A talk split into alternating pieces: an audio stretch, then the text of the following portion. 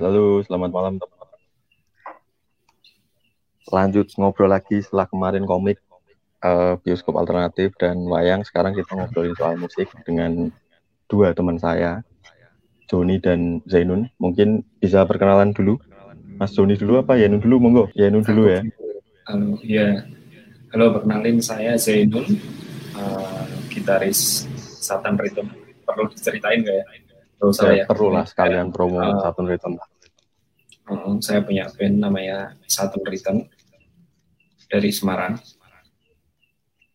Uh, baru punya single sih, uh, yang judulnya 27. Saya kurang lebih kayak gitu. Yuk Son, kamu Son. Oh halo teman-teman, nolin saya Joni. Saya punya sablonan. Sian. Kalian kalau mau nyablon ya hubungin saya. oh, enggak, kebetulan saya juga punya band namanya Kimberline. Saya jadi vokalis. Baru aja ngerilis live session bisa kamu lihat di YouTube Kimberline. Silakan langsung atau mau ketemu saya juga boleh lewat Mas Farza. Oke, siap. La mungkin langsung ngobrol-ngobrol aja ya biar cepat ya. John hmm. Nun. John Nun. Uh, kita kan ngobrolin tentang musik, tapi kita ngobrolin soal medianya. Nah, uh, pengalaman kalian uh, musik di tahun 2000-an itu berarti kita SMP ya kali ya. Itu hmm. kan kalau misalnya mau beli kaset kita kan mahal banget ya. Ada cerita-cerita pengalaman yang seru nggak sih? Maksudnya ngebeli kaset atau kalian mencoba untuk menjadi pembajak kaset kita atau seperti apa? Mungkin dari Yanun dulu. Dari aku ya, sebenarnya kalau untuk experience beli-beli rilisan fisik di tahun itu sih belum begitu banyak ya. Hmm. Tahun 2000 itu kan, ya 2000 2001 kan berarti SMP.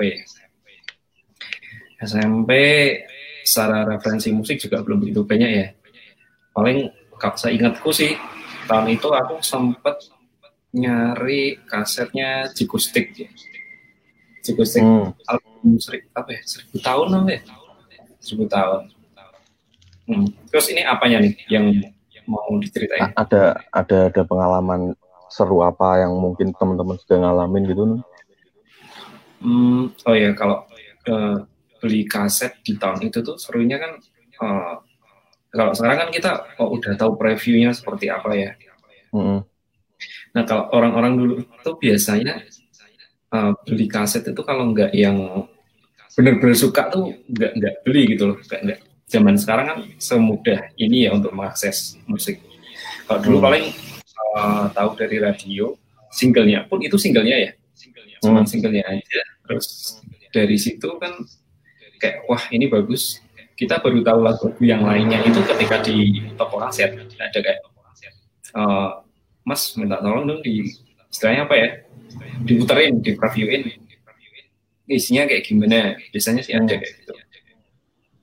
Hmm, kalau hmm. kamu John hmm. pengalamannya John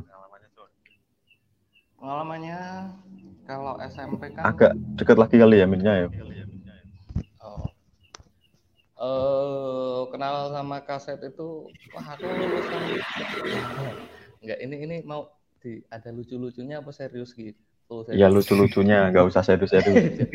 oh, Kalau udah gini malah nggak bisa ngelucu, uh, untuk kaset memang itu zaman zaman SMP ya. Jadi buat teman-teman yang lagi nonton for your information saya sama Zainun itu satu angkatan jadi uh, kita masih mengalami masa-masa beli kaset terus beli kaset kosong juga terus menduplikasikan kaset itu uh, emang dari oh SD aku malahan. Biasanya uh, hmm. dulu itu kalau beli kasetnya kaset yang pertama kali aku beli itu kaset beli One itu sama Sam 41 kita SMP kelas 3 uh, tapi kalau untuk kalau dulu kan ini mama mama saya itu udah hobi beli kaset sejak tahun 70-an atau 80-an gitu. Hmm. Nah, itu kan biasanya uh, koleksi kasetnya juga uh, lumayan sih macam-macam tapi ya gitulah untuk lagu-lagu uh, zaman itu dan kadang beberapa kalau kalau kaset itu kan yang di ujung atasnya itu ada yang suka dicongkel kalau hmm. oh ya hmm.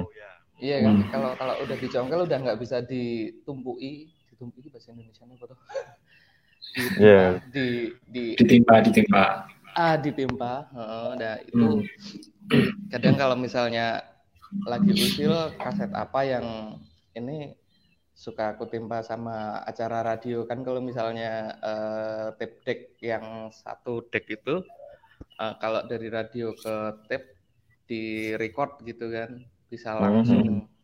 ditimpa lah jadi pernah suatu ketika ada kaset apa ya hmm, kalau nggak salah Vindam Panduwinata sih itu yuk, setelah uh, yang yang side B, yang set set A-nya masih Vina Panduwinata, yang side B-nya udah macem-macem mbak hmm. ono iklan radio bareng gitu tak lebok gitu. Jadi mama saya itu waktu kemudian ngedengerin eh jebol aku duwe kaset Vina Panduwinata di setel. Pas nungguin set lo kok jadi radio? Ya itu bonus track. Saya bilangnya gitu. Padahal kaset asli ya? Uh -uh. Jadi kan uh, kalau yang yang apa yang belum mengerti kadang kalau beli kaset kan nggak nggak langsung dicongkel pinggirannya itu yang hmm. bagian atas ada kotakan dua itu kalau enggak ya hmm. ya dicongkel salah satunya aja sih udah aman udah nggak bakalan bisa ketimpa nah tapi karena mama saya orangnya konservatif jadi itu kaset semua masih apa masih utuh gitu loh. Jadi hmm. waktu-waktu bisa ditimpa. Oke. Okay. Nah, referensi kalian pertama kali akhirnya membeli kaset yang pertama. Kamu dulu apa? Sikustik yang pertama apa Nun? Oh, kalau pertama ya, pertama apa ya? Kalau itu kan tadi tahun 2000 2001 ya. Uh. Pertama itu yang yang asli lo ya. Oh. Padi apa ya? sesuatu yang tertunda apa ya? Yang gambarnya jam. Huh, kalau nggak salah sih padi. Kalau ada pengalaman nggak enak sih aku beli beli oh, apa, apa, padi. Apa. Jadi kan waktu itu untuk beli Walkman merek, nggak usah sensor-sensoran ya, Sony. Ayo. Hmm. Sony Aiwa kan, wah nggak mampu kan, mahal. Terus aku dulu beli uh, Walkman tuh mereknya Sony. Sunni dan. Yang kemudian jadi inspirasinya BCL buat bikin lagu ya. Oh, iya. iya. nah, uh, jadi karena player yang nggak oke okay itu kan ngaruh ke apa ya kayak uh, apa sih kasetnya jadi rusak. Hmm. Ya itu sih. Hmm. Ah benar album padi sih sesuatu yang tertunda saya ingat Kalau kamu John? Apa? Yang yang tadi ya? pertama kali beli kaset? Oh, kalau Loh. yang pakai pakai uangku sendiri itu yang itu tadi uh, dua kaset itu. Sum 41 Does This Look Infected sama Blink 182 itu yang self title tapi kalau uh, dulu mintanya yang pertama kali itu SD kelas 2 SD kelas 2 minta beliin Ricky Martin. Gara-gara ini apa?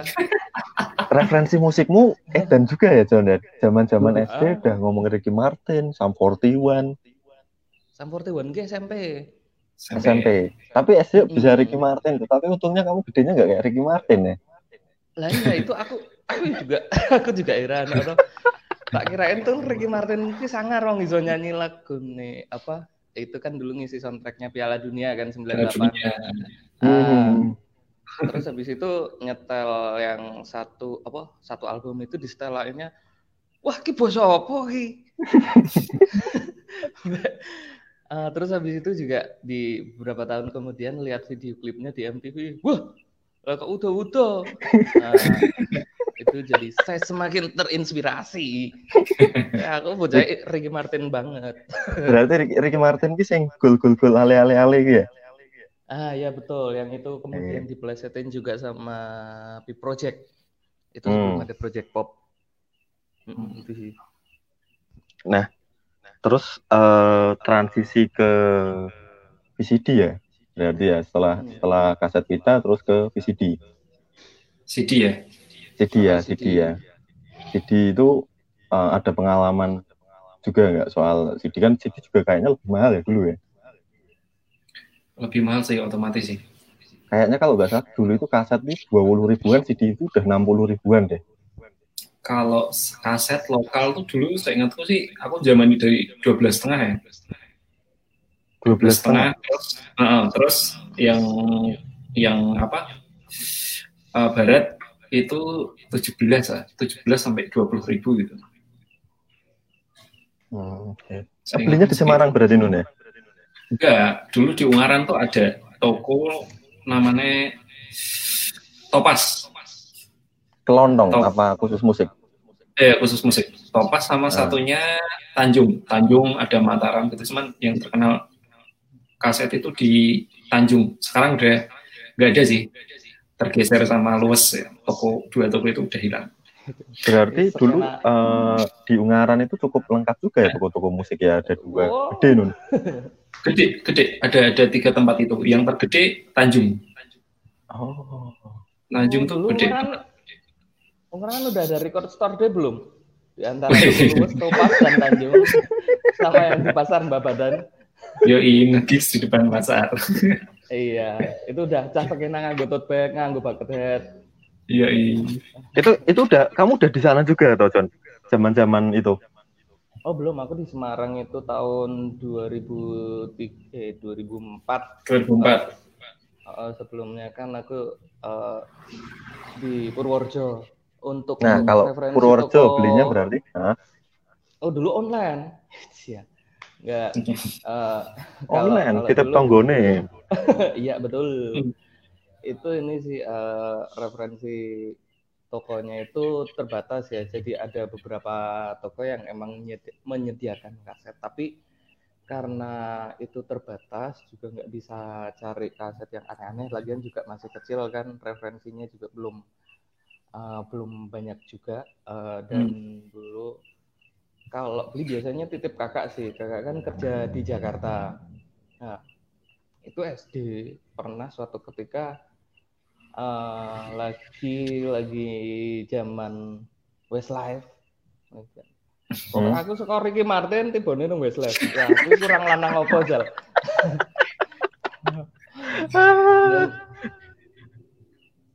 dan, uh, dan ini apa namanya? Uh, pernah suatu ketika uh, kan zaman ini juga waktu tren musik booming itu biasanya kan banyak media-media juga ya misal uh, majalah tabloid gitu nah mm-hmm. itu apa namanya uh, ada posternya gitu kan nah, mm. oke pernah beli majalah fantasi posternya itu Westlife tak tempelkan nang lemari. Terus uh, terus waktu itu kakakku pulang dari Jakarta calana kok nyetel Westlife calana ki Metallica. Oh eh. Metallica ki apa ki nah, terus mulai aku malu dengan Westlife ya, tapi tetap dengerin. Eh tapi Westlife lagu apa yang kamu paling seneng? Oh Westlife yang akhirnya album aku kita Westlife aku apal aku apal kabeh. Ya lo mesti ngopo ya aku apal kabeh.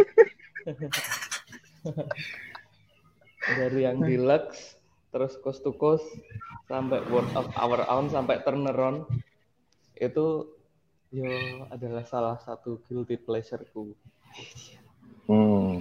Berarti sebenarnya di era itu kamu Westlife banget ya? Westlife banget, aku. Hmm. Eh, tapi apa sih nih? Pas zaman CD itu kalian sengoyo beli album kayak kaset pita nggak sih? Apa tetap walaupun udah CD tapi tetap di kaset pita aja belinya? Zaman CD ya, zaman CD hmm. tetap masih pita sih. Kayak aku sama Joni di era-era CD itu belum begitu ini sih koleksi kayak CD-CD itu. Pertama mungkin ya harganya mahal juga ya. Hmm. Kedua nggak tahu ya kenapa ya, karena mungkin dulu sering diskonannya kaset-kaset ya John ya. betul. Eh sebentar. Uh, tapi ya. dari, dari transisi ke uh, si uh, kaset ke CD itu kan kayak beberapa uh, hmm. rilisan kaset itu mulai tergeser ya. Hmm. Nah, tapi nah dari situ uh, banyak yang kaset dulunya harga sekian jadi di diskon murah-murah kak. Oh, oke. Okay. Nah, di, nah uh, ketemunya beberapa referensi yang kita nggak tahu tuh malah gara-gara ada beberapa yang nggak nggak sengaja kayak gitu karena kayak oh ini kaset apa nggak tahu tapi murah gitu murah terus minta di preview oke okay, ya udah dibeli berarti pas pas zaman kaset murah itu kalian nggak ini ya kak ya maksudnya nggak punya referensi satu band apa maksudnya berangkat itu ingin beli band apa terus tahu murah terus dapat dapat apa namanya wawasan musik baru ya berarti ya. Nah, ada yang kayak gitu. Awalnya misalnya kita mau nyari kayak uh, misalkan katakanlah kaset A nih, kaset A, hmm. entah di situ ada atau enggak ada terus dilihat kok ada diskonan terus kayak nyari uh, misalkan katakanlah dulu Joni nemu apa ya Bruce Springsteen sih kalau nggak salah sih kan kalau zaman grafika ya zaman SMP tuh ya sebenarnya udah bisa nyari kayak referensi oh band ini tuh cikal bakalnya dulu dari apa gitu ya sedikit sedikit, sedikit tahu lah. Uh, cuman kan nggak sedalam itu Wah, ternyata si uh, Radiohead itu terpengaruh sama uh, katakanlah uh, rem eh bulan-bulan itu kita nggak tahu. Ketidaksengajaan itu sih malahan yang yang membentuk kayak oh ternyata band ini tuh terpengaruh oleh ini juga gitu. Oh ternyata ada uh, solois namanya Bruce Springsteen ya kayak gitu kayak gitu sih. Hmm. Itu kamu tahu dari baca apa dulu udah ada internet yang sangat-sangat lemot itu kak? ya ada internet internet uh, internet ada tapi kalau ingatku sih dulu dari dari majalah ya. Hmm. Zaman CD keluar, kamu hmm. tetap beli kaset pita apa pindah ke CD? Tadi ya ini udah sedikit banyak nerangke sih.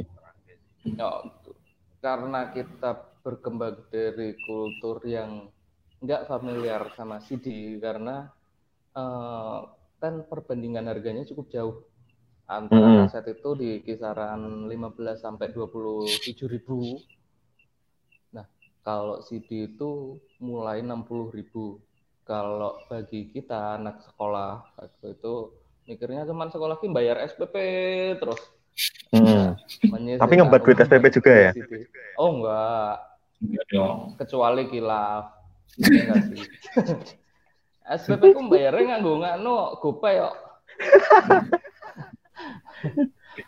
Nah, itu jadi dulu belum belum familiar. Ya uh, jadi CD itu terbeli ketika sudah lulus SMA, tapi hmm. itu udah bukan udah bukan zamannya lagi beli CD karena di Semarang sendiri kan yang jual CD itu uh, hanya beberapa tempat aja setahu tuh ya uh, di Stara, Buletin, terus dulu ada M Studio namanya M Studio. di Java Mall yang di lantai bawah itu.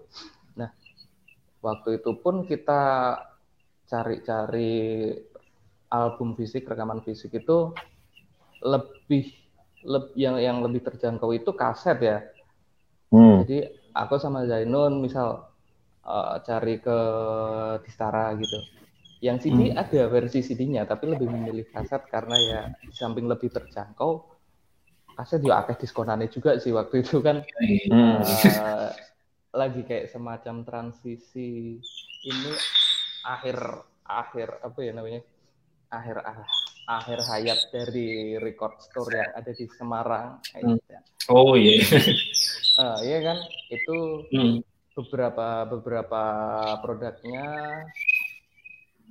uh, apa namanya pada akhirnya diobral di Bandeng Rebone terus ya kalau misalnya makanya tadi ya Nun bilang itu ada banyak item-item yang sebenarnya kita cuma tahu namanya atau uh, emang bener-bener randomly aja kita nggak tahu terus wis tuku tuku tuku awannya bayar kan lo jadi hmm. duit duit karena murah ya duit, duit, yeah. oh, Jadi bahasa Jawa juga ya. iya, maaf ya ke bawah. Terusnya nggak gitu ya, Mas. nah, jadi uh, kalau kita ngomongin Bruce Springsteen, kita ngomongin uh, apa ya? Uh, album yang apa apa itu kak? Yang apa ya? Aku dapat sing gambare punggung loh Bruce Springsteen. Uh, uh, The Ghost of Tom Joad itu tuh hmm. habis itu kita dapat Star Sailor ada Embrace ada ada banyak sih bahkan beberapa album legend kayak Sweat kayak Pop itu aku dapatnya dari rak diskonan bayangin itu kalau rak itu masih ada sekarang mungkin harganya nggak semurah itu karena dulu dulu emang berapa John? Delapan ribu. Lima ribuan? Delapan ribu. Delapan ribu. Jadi 8000 itu kalau aku dulu daripada buat beli rokok atau beli narkoba, aku buat beli kaset. Beli kaset. Oh, iya, iya, iya. Sisanya ini selera rakyat. Oh, ya. Sisanya beli narkoba. nah itu sih. Wes level narkoba. Lu siapa ngerti tuh? Jadi kan itu beralih seiring maturity ini dia uh, ini sih kak apa kalau apa? untuk memulai CD itu lebih ke kita udah punya penghasilan sendiri nah baru beli beli CD. CD. Tapi tapi kalau enggak ya ini apa CD lokal sih CD lokal uh, yang kemudian harganya ya. kan uh, uh, lebih terjangkau daripada yang luar. Tapi kalian sekarang nggak beli VCD yang dapat ayam juga ya? Oh. Pernah sih. Maksudnya itu kan nggak beli ya. itu kan suruh milih. Maksudnya kasusnya beda sih.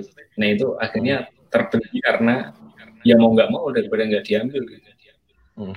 Apa namanya berarti kak sebenarnya CD itu tidak terlalu membekas ya karena masih belinya masih Vita terus sebentar lagi udah ada MP3 kan, udah udah kalian udah punya komputer.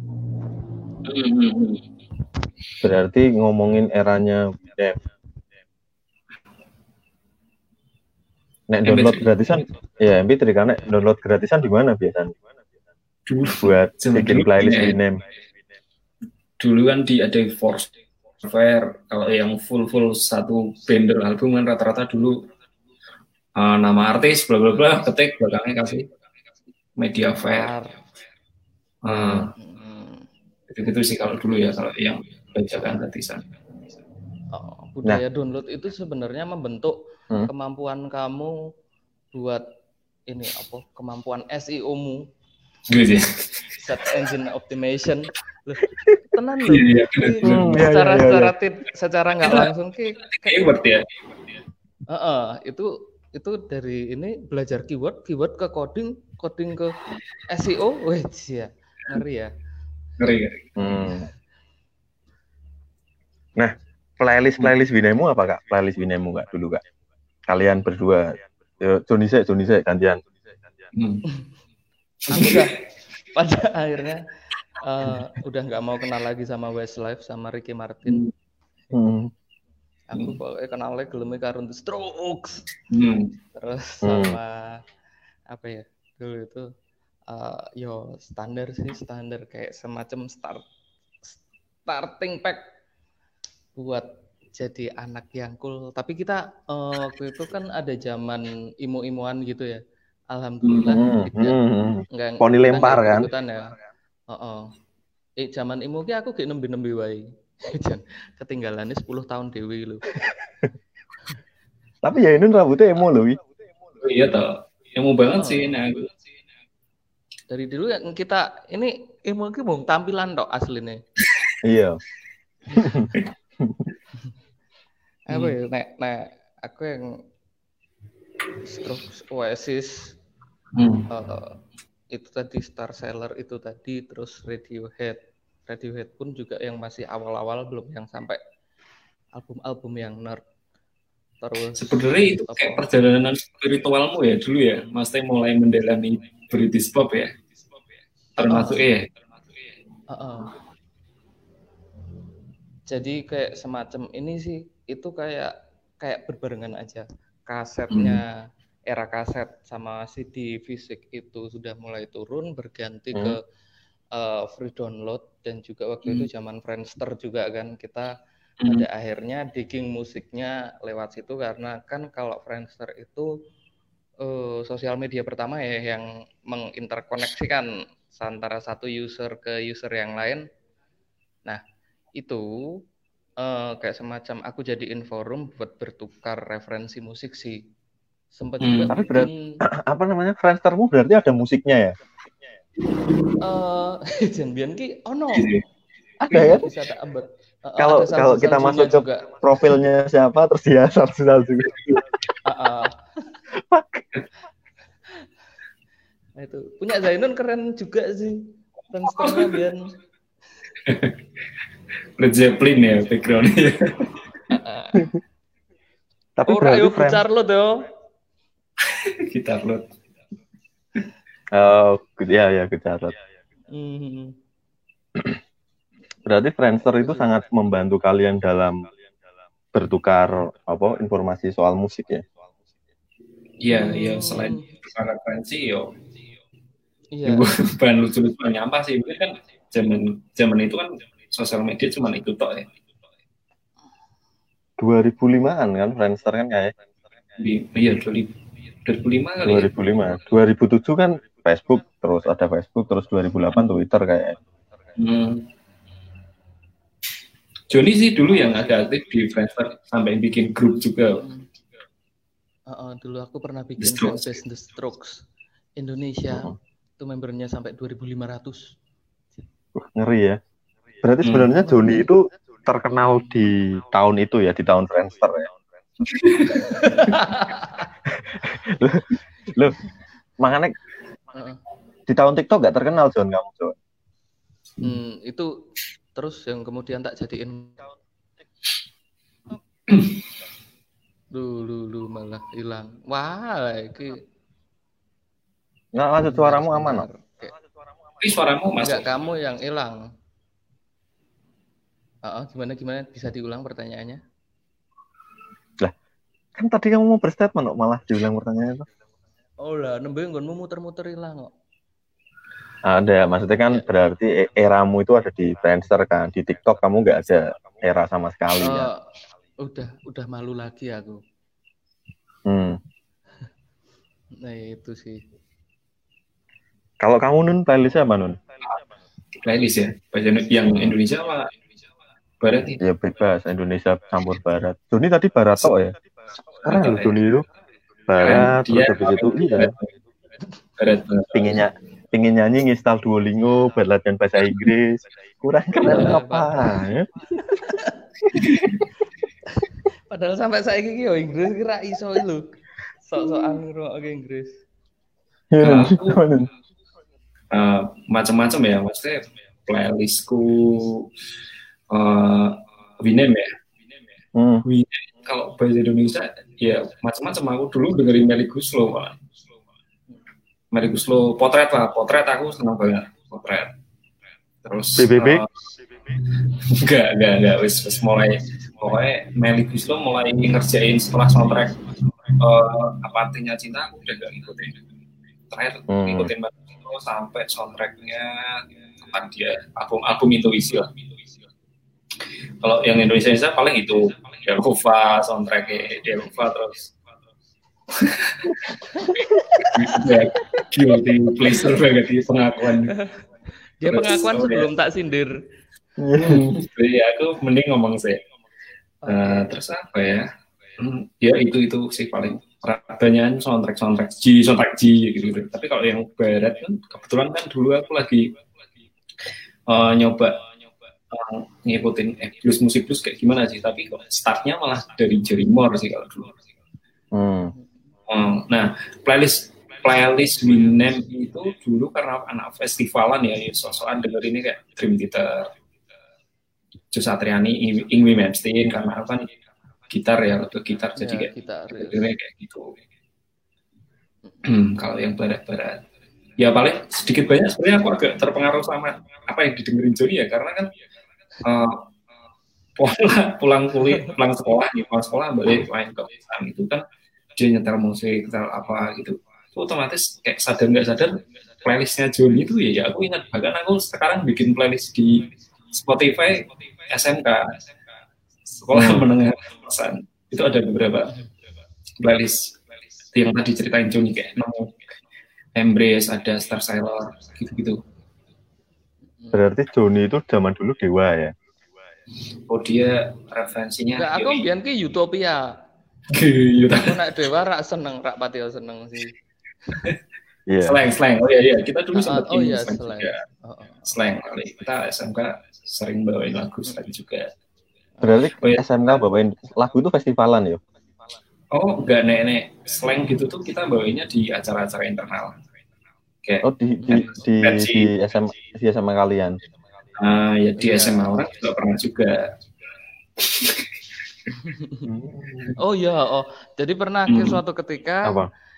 ada acara di Dinas Pendidikan Semarang itu di sebelah sebelah eh, sebelah EPT Karangpanas ya di pertigaan daerah Tanah Putih. Oh, itu memperingati Hari Pendidikan apa gitu. Kita bawakan lagu Bendera Setengah Tiang. Wah. Terus yo yo apa-apa. Balik pun ya, juga untuk pamitan apa ora, ngerti. yang pasti itu, uh -uh. yang pasti itu adalah peringatan Hari Pendidikan, makanya kita harus bawain itu. Sudah setengah tiang. Ditutup dengan lagu That's All.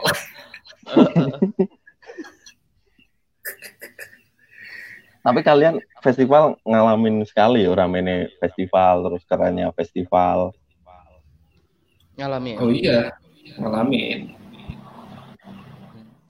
Tuh sebelum kita ngobrolin yang di apa namanya uh, platform digital kayak Spotify gitu sedikit hmm. Pengalaman soal festival. Hmm. Pengaruhnya pengaruhnya kalian saat ini bermain musik toh akhirnya mungkin kan salah satunya festival juga hal yang mempengaruhi mental, perform hmm. atau apa gitulah. Ya ini dulu. Nanti nek Joni ini pasti lucu ya. Aku dulu ya. Secara secara apa ya kayak nggak begitu berpengaruh banyak sebenarnya sih di kayak di perjalanan musikku maksudnya ya membentuk mental juga enggak karena kayak aku basicnya memang enggak orang yang pede-pede banget kan waktu itu.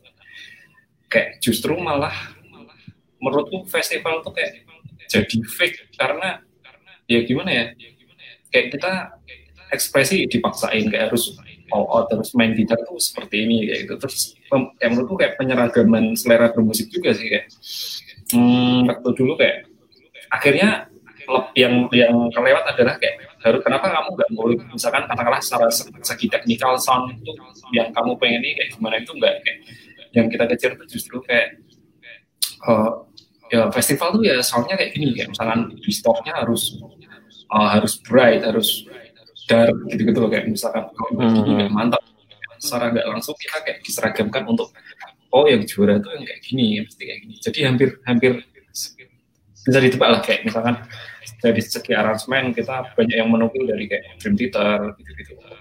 Secara anu dibilang menyesal ya, ya sebenarnya nggak menyesal karena kan mengalami uh, itu memang kan fase pendewasaannya tapi kayak uh, jadi yang yang luput adalah kita tidak belajar untuk membuat lagu dari dini gitu loh. Kayak kita cuman menukil mengulik nambah-nambahin gitu aja. Aransemen itu kita nggak nggak aduh sorry ada terus kita enggak itu aransemen ya hmm. kicau mania. Mantap. Mantap. Belajar untuk ini loh kayak ngulik lagu tuh strukturnya kayak gini gitu tuh. Nggak kayak lebih ke oh ini nanti di part ini saya harus keluar skillnya sekian eh kayak gini gitu. Gitulah ini yang ditonjolin. Ya meskipun tetap belajar si harmoni oh ini yang balance yang sekian yang gini gini nah kalau berarti gitu ya Nah, berarti sekarang itu kalau ada youtuber cover yang seumuran kita itu berarti mereka anak festival, pandai mengaransemen lagu. Iya, ya, bisa jadi sih. ya John, cerita John, mesti lucu ya John. Vokalis tuh kamu? Enggak sih. Uh, enggak ya, dulu tuh aku drummer. Playboy ya sih drummer dia ya, dulu. dulu aku drummer inspirasiku adalah The Course. Nah, itu drummernya The Course itu naik kanggo kuwi koyo itu seperti Jusatriani yang ada di depan drum set. Sama Mas Bim Bim sih. ya. Mas Bim Bim. kalau kalau ini apa namanya? Uh, festival itu ya benar sih ada beberapa untuk untuk melatih mental emang benar bikin bikin PD di atas panggung juga mau nggak mau itu juga harus ditampilkan oh dan apa namanya plus minusnya adalah yaitu tadi udah disebutin sama Zainul uh, yang aku juga punya highlight sih sebenarnya kalau festival itu adalah pengembangan mental mental ngeles jadi dari sekian banyak festival yang menang kan kadang yuk itu itu aja. Nah, hmm. Baru Zainun ki selalu punya kayak semacam apa ya eh, kata-kata uh, yang itu cukup memotivasi adalah hmm. yo pantesan menang wong cas les-lesan les-lesan oh. uh, identik dengan itu kan dulu awalnya hmm. cilik gitar luwes cicilan tapi gitar pecicilan sangar dan wah cah les-lesan gi kalau hmm. kita kan eh, alatnya komplit tok makne suge. Gitu sih. Tapi alhamdulillah kita juga pernah suatu ketika ada nah. ada festival terus kita menang dan akhirnya menyabet dua juara sekaligus waktu itu. Hmm. juara umum sama juara favorit. Nah favorit itu adalah uh, kayak juara pilihan penonton gitu lah namanya kan juga uh, anak SMK ya cah cah STM hmm. Ki sesuk ono ben-benan teko kabeh ya. Yo, datang semua kan. Uh, ah, SMS semua. Cah STM STM kon, uh, lawannya kan anak SMA tuh. Hmm. Jadi uh, di di apa di depan panggung ki wis pokoknya menang menang rewose lho. Hmm. Nah, dan habis itu kan ada voting uh, waktu itu kan M3 itu uh, salah satu provider itu kalau SMS kan cuma 100 ya. Hmm. Jadi ya ya itu uh, untuk SMS murah ada bonusan, wis to kirim kirim kirim kirim pada akhirnya kita juara. Juara. Itu karena eh, eh, memanfaatkan provider yang paling murah aja sih. Dan hadiahnya hmm. pun uh, selain piala ada juga voucher belanja kain. Voucher belanja kain serius?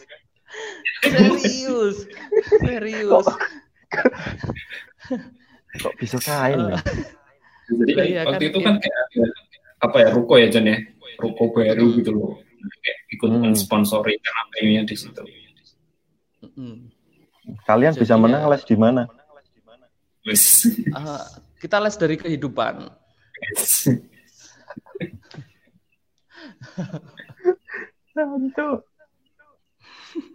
eh, John. Gak boleh ngomong jorok lu, live lu. Bebas, udah untuk apa sini?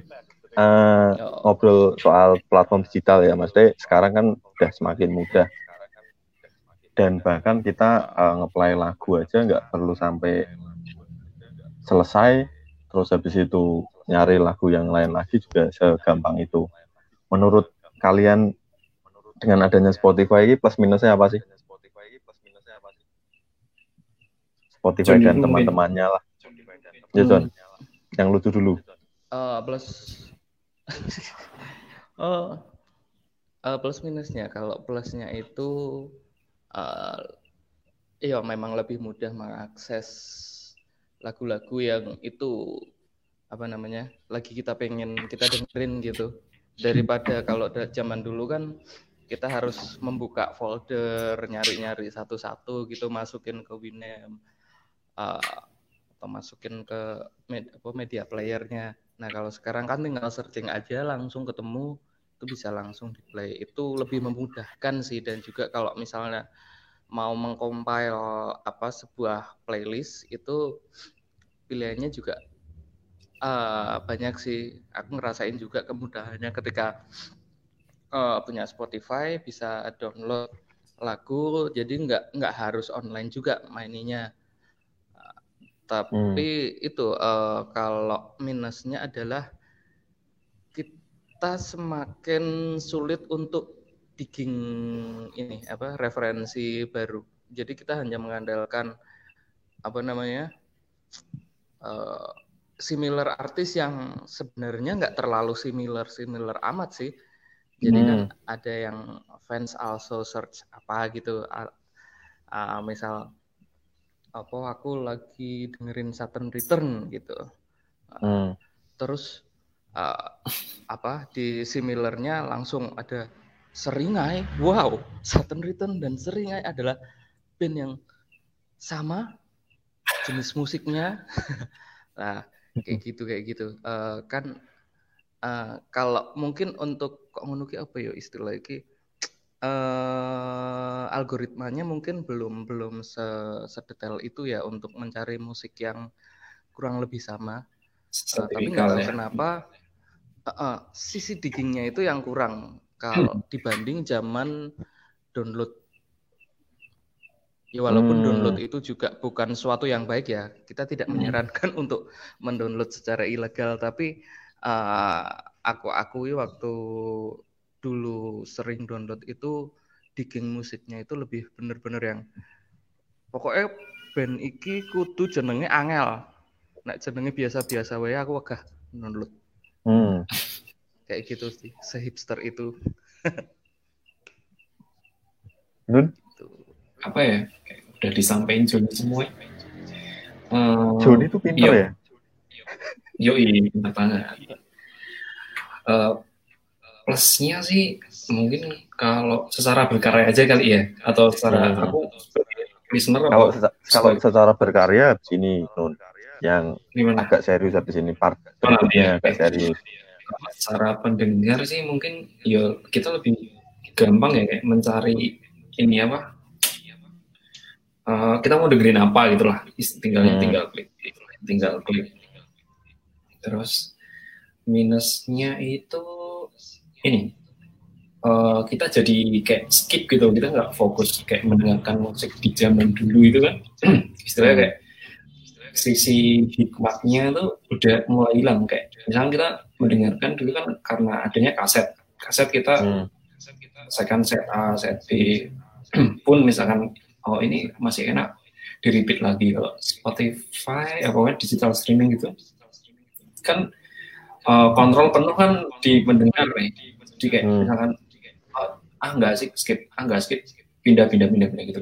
Secara apa ya jadi kayak enggak memorable gitu loh kayak dulu kan semua orang bisa nyanyi semua tak sama ya padi. Kalau sekarang kayak nyari yang kayak gitu tuh jarang ya aku belum menemukan sih. Kayak misalkan akhirnya kayak itu sesuatu yang lewat aja nggak nggak nggak membekas gitu loh minusnya hmm. menurutku sih oke okay dan nanti habis ini lanjut uh, setelah ngomongin yang tentang media putar terus habis hmm. ini pengaruh-pengaruh musik bagi kalian hmm. ini nggak ada di briefingan dan seru udah uh, setelah tadi ngobrolin soal kaset sampai Spotify nah perjalanan musikmu John ya John dari mulai kaset hmm. kamu Ricky Martin, terus Westlife, terus akhirnya digital, baru tahu The Stroke. Nah, seberapa besar sih pengaruh pengaruh itu sih? Maksudnya perjalanan dari mendengarkan terus sampai kamu bikin bikin lagu atau ngepen. Hmm. Oh, biar teman-teman tahu. Pengaruhnya ternyata aku menjadi semakin takwa kepada yang di atas gitu ya. Eh karena dengan musik itu apa namanya? Nah, itu adalah salah satu bentuk apa ya menghargai uh, menghargai apa pun bisa dieksplor dan uh, pada akhirnya bisa dinikmati di telinga yang kayak apa ya uh, kalau dibilang langsung secara spiritual sih iya, tapi bukan yang hubungannya spiritual ke religi ya. Nggak membuat kita hmm. jadi religius juga, tapi secara spiritual, oh uh, ternyata dengan musik itu banyak sekali yang bisa disampaikan gitu. Jadi uh, berbagai macam isu sosial, budaya, politik dan lain sebagainya itu bisa kita nikmati lebih mudah dan lebih uh, lebih bisa diingat terus ketika ada media musik karena misalnya nih katakan uh, aku dengar Morrissey gitu. Hmm. Uh, di beberapa lagu itu kan dia ada notes-nya kalau lagu ini tuh sedang membahas kondisi apa yang terjadi waktu itu kan. Nah, itu jadi satu step setelah dengerin lagu itu uh, jadi kayak semacam apa? Oh, ternyata dia lagi uh, misal lagi uh, lagu apa kak? Biar ki sing dewe dewe anu kae Morrissey aduh ya pokoknya kuwi lah. Nah itu ternyata di ah hang the DJ oh, hang DJ hang the uh. DJ hang the DJ ah ah itu ah, dia sebenarnya sedang mengkritik uh, sebuah stasiun radio yang ketika setelah setelah membahas tragedi bom eh sorry tragedi nuklir di daerah Ukraina di Chernobyl itu kemudian dia langsung nyetel uh, nyetel lagu cinta gitu kayak semacam gak relate hmm. lah. Nah dari situ oh oh pernah tot ada tragedi nuklir di Ukraina Ukraina. Nah terus abis itu ya wis uh, aku lihat iki, ter, uh, ada kejadian apa sih lah seperti itu. Jadi banyak judul yang dinyanyikan band-band favoritmu itu sebenarnya nggak cuma tentang cinta tapi juga ada isu-isu sosial yang disisipkan di situ akan membuat kamu lebih uh, lebih termudahkan untuk nyari apa sih latar belakang lagu itu gitu. Hmm. Berarti kamu sih sama kayak film juga. Belajar dari situ ya. Belajar dari justru dari lirik-lirik yang ditulis sama penulisnya ya. Iya. Ya kayak kayak ada banyak orang yang tersadarkan dengan uh, dengan lagunya efek rumah kaca yang di udara itu ternyata tentang perjuangan seorang Munir gitu. Nah, hmm. kurang lebih seperti itu sih. Jadi nggak cuma dengerin bisa terhibur nggak, tapi lebih dari itu sih kalau kalau mau lebih dalam lagi ya. Kalau mau terhibur ya Ricky Martin itu. kalau kamu Lennon, ya Lennon eh kurang lebih sebenarnya sama ya maksudnya uh, pengalaman dengerin musik itu kan uh, dari apa yang kita dengerin apa dari liriknya gitu kalau aku tapi sederhananya sih kayak musik tuh kayak aku menandai apa ya pada zamannya sih kayak menandai apa yang tak alami sih nih, secara personal kayak kan kayak oh uh, dulu aku mendengarkan hmm, semua tak sama oh dulu waktu SMP terus ini uh, waktu dengerin si apa musik ini waktu SMA gitu. Lebih ke penanda waktu aja sih kayak oh ini zaman ini eh musik ini menandai ini musik ini menandai ini lebih ke kayak gitu kalau hmm. nah kalau apa namanya? Dari era kaset itu mempengaruhi nggak sih kalau waktu kamu? Kamu kan yang bikin lagu di satu neton kamu ya? Hmm. nah kamu itu nulis itu berdasarkan apa nun? Biasanya nun kalau nulis lagu nih. Yang misalnya 27 ini. 27 ya? Uh, ini, ini dijawab kayak... dijawab apa eh, enggak? Jawab aja ya. Jadi kayak 27 itu kan ini enggak enggak tak breakdown ya kayak lebih ke hmm, kenapa bisa nulis 27 ternyata hmm. sadar enggak sadar apa yang kita konsumsi itu kan akan mempengaruhi konsumsi dalam artian misalnya kita membaca buku, kita nonton film, itu kan mempengaruhi segala hal dalam proses pengkaryaan ya. Kayak, hmm, aku tuh waktu itu pengen nulis musik tapi bahas tentang apa ya kebingungan tentang idealisme sih. Nah, setelah setelah ini tak, uh, tak tarik mundur lagi, oh, aku kenapa mau nulis kayak gitu? Beberapa kali aku ternyata uh, berawal dari baca novelnya Nut Hamsun yang judulnya Lapar. Hmm. Hmm. Betul nggak sih? Enggak ya? Enggak. Ya itu, nah itu ceritanya tentang uh, dia dia yakin bahwa uh, nantinya tuh saya akan jadi penulis terkenal meskipun naskahnya dia itu ditolak berkali-kali kayak gitu terus mungkin hmm. semahal itu ya. Maksudnya kayak idealisme dia rela lapar demi mempertahankan idealismenya terus terus kalau aku mau nulis uh, ternyata dua uh, tujuh itu ya kurang lebih uh, bahas kayak gitu. Tapi lebih ke kayak gini sih kayak oh ternyata apa yang kamu percaya itu ya ketika kamu ini ada titik terendah kan kita kayak oh ini gagal nih. Apa yang kita percaya ini kita perjuangkan itu ternyata nggak bisa menghidupi nggak bisa apa-apa. Jadi seolah-olah kayak kalau di orang bahasa apa yang gersulo gitu loh. Tiwas-tiwas tahu penny gitu. Kayak dari aku memupuk apa ya idealisme ini kayak aku percaya ini akan menjadi seperti ini tapi ternyata di satu titik wah ternyata ada di opo hmm. gitu lah kalau kamu John lagu-lagumu biasanya terinspirasi dari apa John laguku judulnya 28 dan oh, iya. terinspirasi dari lagunya 27 oh. Saturn Return. terus habis ini temanmu masuk 29 ya? iya, lanjut terus sebelumnya gue absen. Hmm. Iya sih. Uh, kalau terinspirasi dari apa itu sebenarnya dari apa aja bisa sih ya. Hmm. Kalau yang tak uh, yang tak tulis ini adalah yo dari keseharian aja. Cuman eh nek kalau kalau beda penulisan apa untuk penulisan lagu kayak Zainun dan aku uh, adalah kalau Zainun kan tadi dia bisa setelah baca novel terus diriletkan seperti itu kah dan hmm, kalau lebih setelah tak tarik mundur ternyata kayak gitu sadar nggak sadar loh ya Uh, uh, uh. Nah, kalau aku malah tak balik. Jadi ketika menemukan situasi apa yang itu bisa dijadikan lagu, uh, terus tak cari kurang lebih apa sih yang dituliskan musisi-musisi yang lain ketika uh, mau bikin lagu dengan tema yang kurang lebih sama gitu.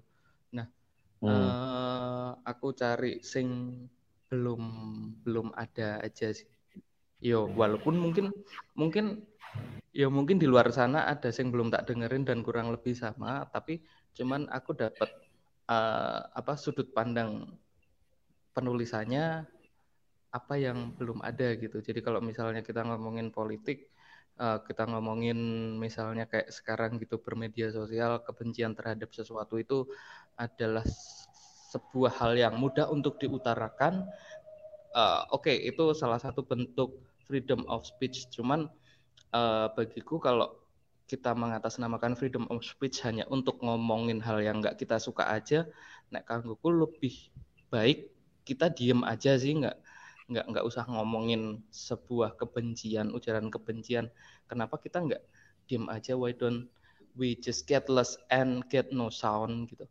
Uh, ya wis meneng wae lah karena dengan uh, dengan kita diam mungkin akan mengurangi hal-hal sing uh, berbau negatif dan justru membuat pikiran orang lain menjadi kacau gitu. Jadi kalau misalnya ada aku sendiri sekarang sudah mengurangi bentuk tweet atau misalnya uh, ngomong di uh, medsos gitu hal-hal sing ah isine ngomong-ngomong rok hmm. atau sambat-sambat gitu. Kalau misalnya aku bisa mengurangi ini, aku berharap sih uh, beberapa dari kalian coba kalau misalnya hal-hal yang kayak gitu dikurangi terus kemudian berganti dengan uh, menebarkan vibe yang positif apakah itu akan ada pengaruhnya kalau aku sih percayanya bakalan ada jadi begitu uh, dong tau itu aku ya ora aku aku terkagum walaupun jawabannya jauh ya. Eh eh eh nek menurut kalian ya dengan dulu kita dengerin kaset terus sekarang Spotify itu sebenarnya kualitas musik tuh sama. Hmm. tapi kita yang kebanyakan skip kebanyakan milih gampang skip ya. Maksudnya pendengar ya. Apa sebenarnya emang kualitas-kualitas dari musik itu emang turun gitu loh ya. Sampai kita juga lagu ini siapa sih? Lagu ini siapa sih? Atau emang juga emang saking gampangnya jadi terlalu banyak gitu. Nek menurut kalian tuh apa? Saya yang bisa mempengaruhi zaman dulu kan siapa sih yang nggak hafal Mahadewi siapa sih yang nggak hafal lagu Nedan cuma kalau misalnya yang lagu-lagu sekarang kan misalnya Sopo ya Heavy lah siapa lah siapa lah kan nggak semua orang oh lagu Heavy tapi nggak mungkin hafal gitu menurut kalian tuh kualitasnya atau emang karena orangnya pendengarnya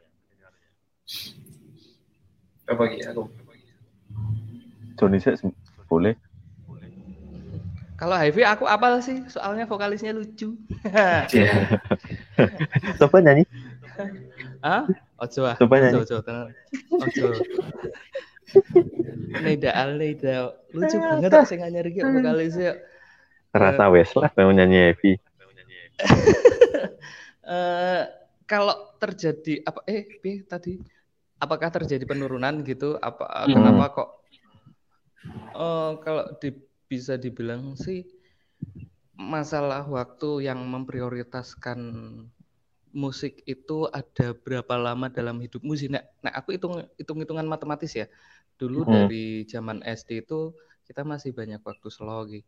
Jadi dari 24 jam bisa dibilang uh, eh, 2 jam, 3 jam mungkin untuk dengerin musik.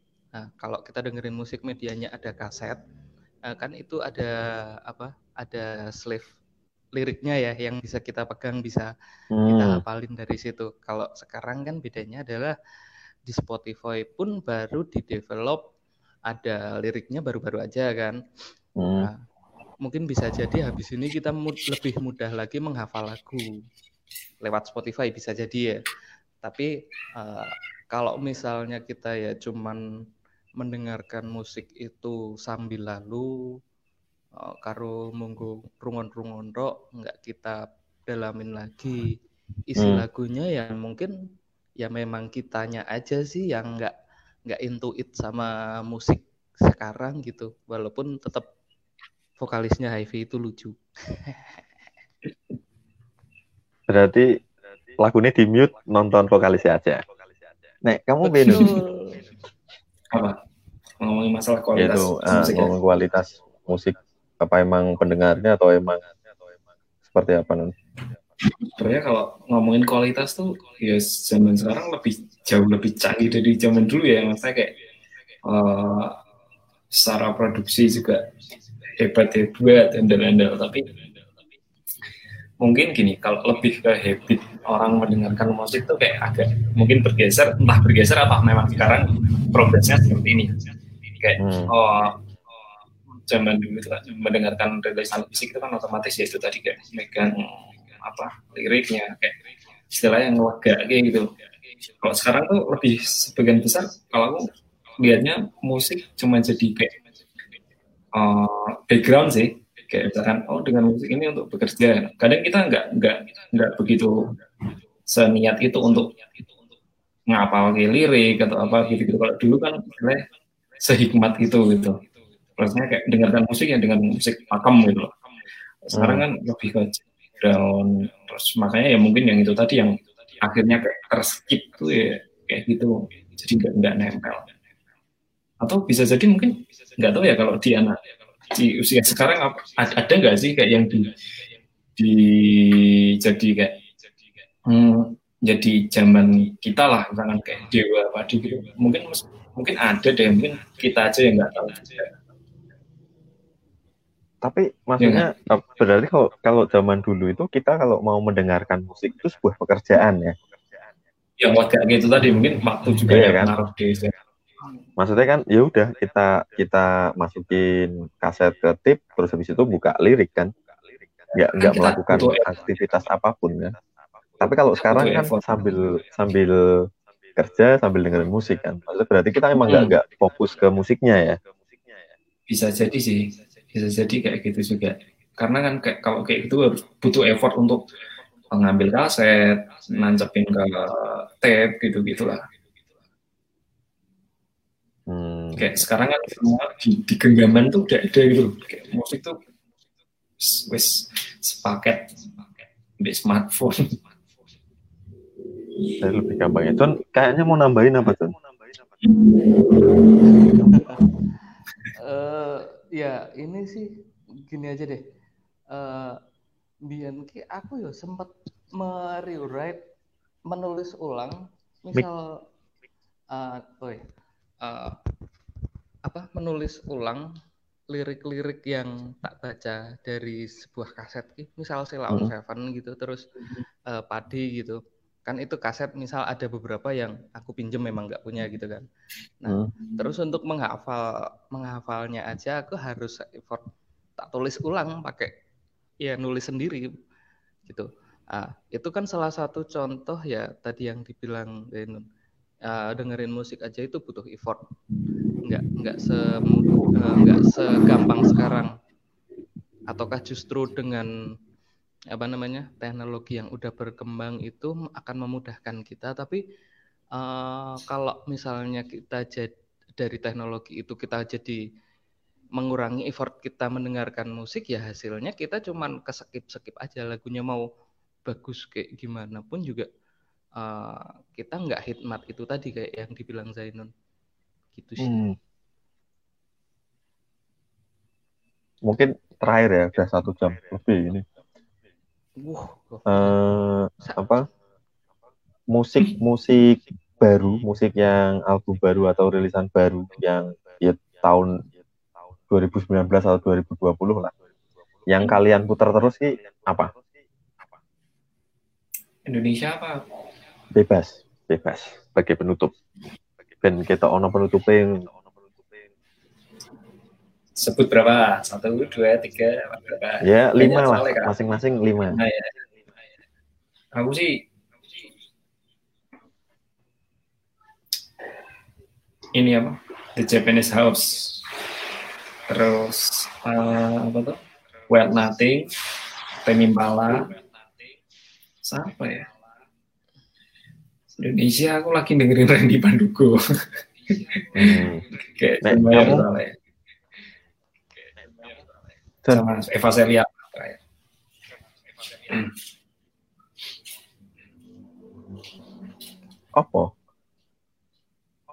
Ah, oh aku limo ki limo Indonesia luar bebas, oh, bebas, bebas, limo bebas. Indonesia limo oh bebas. Bebas, siapa tahu kalau gue sekarang... referensi teman-teman pecinta Joni. aku masih dengerin sering aja sih yang album hmm. baru ki setara soundnya tambah tambah edan. Terus habis itu aku juga dengerin Joko in Berlin itu band dari Bandung vokalisnya.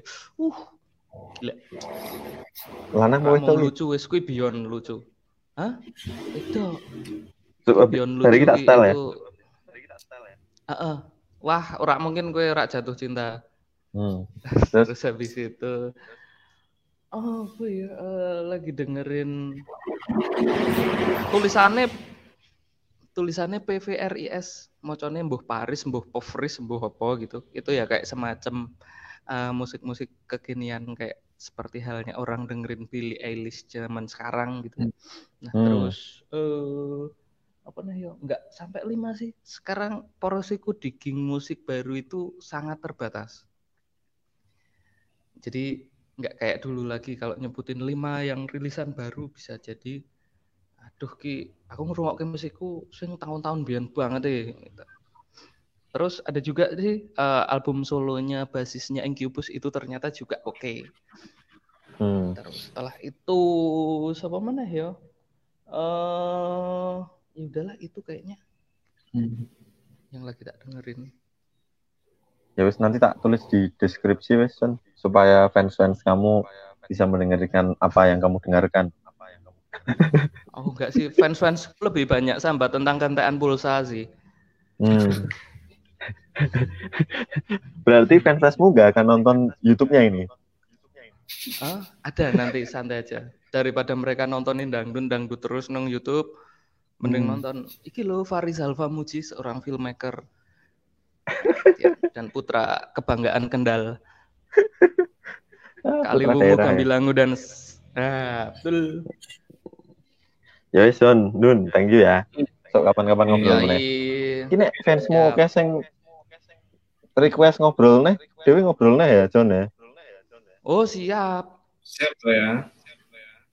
Mantap. Tentang Duolingo aja. Boleh. Nih kayaknya. Boleh, boleh. Kita review Duolingo. Betul. Satu netun ya, Le. Kapan, Le? Ngobrol, Le. Jadi, boleh. Nanti dikondisikan dulu. Ya. Yo, thank you ya. Oke. Ya.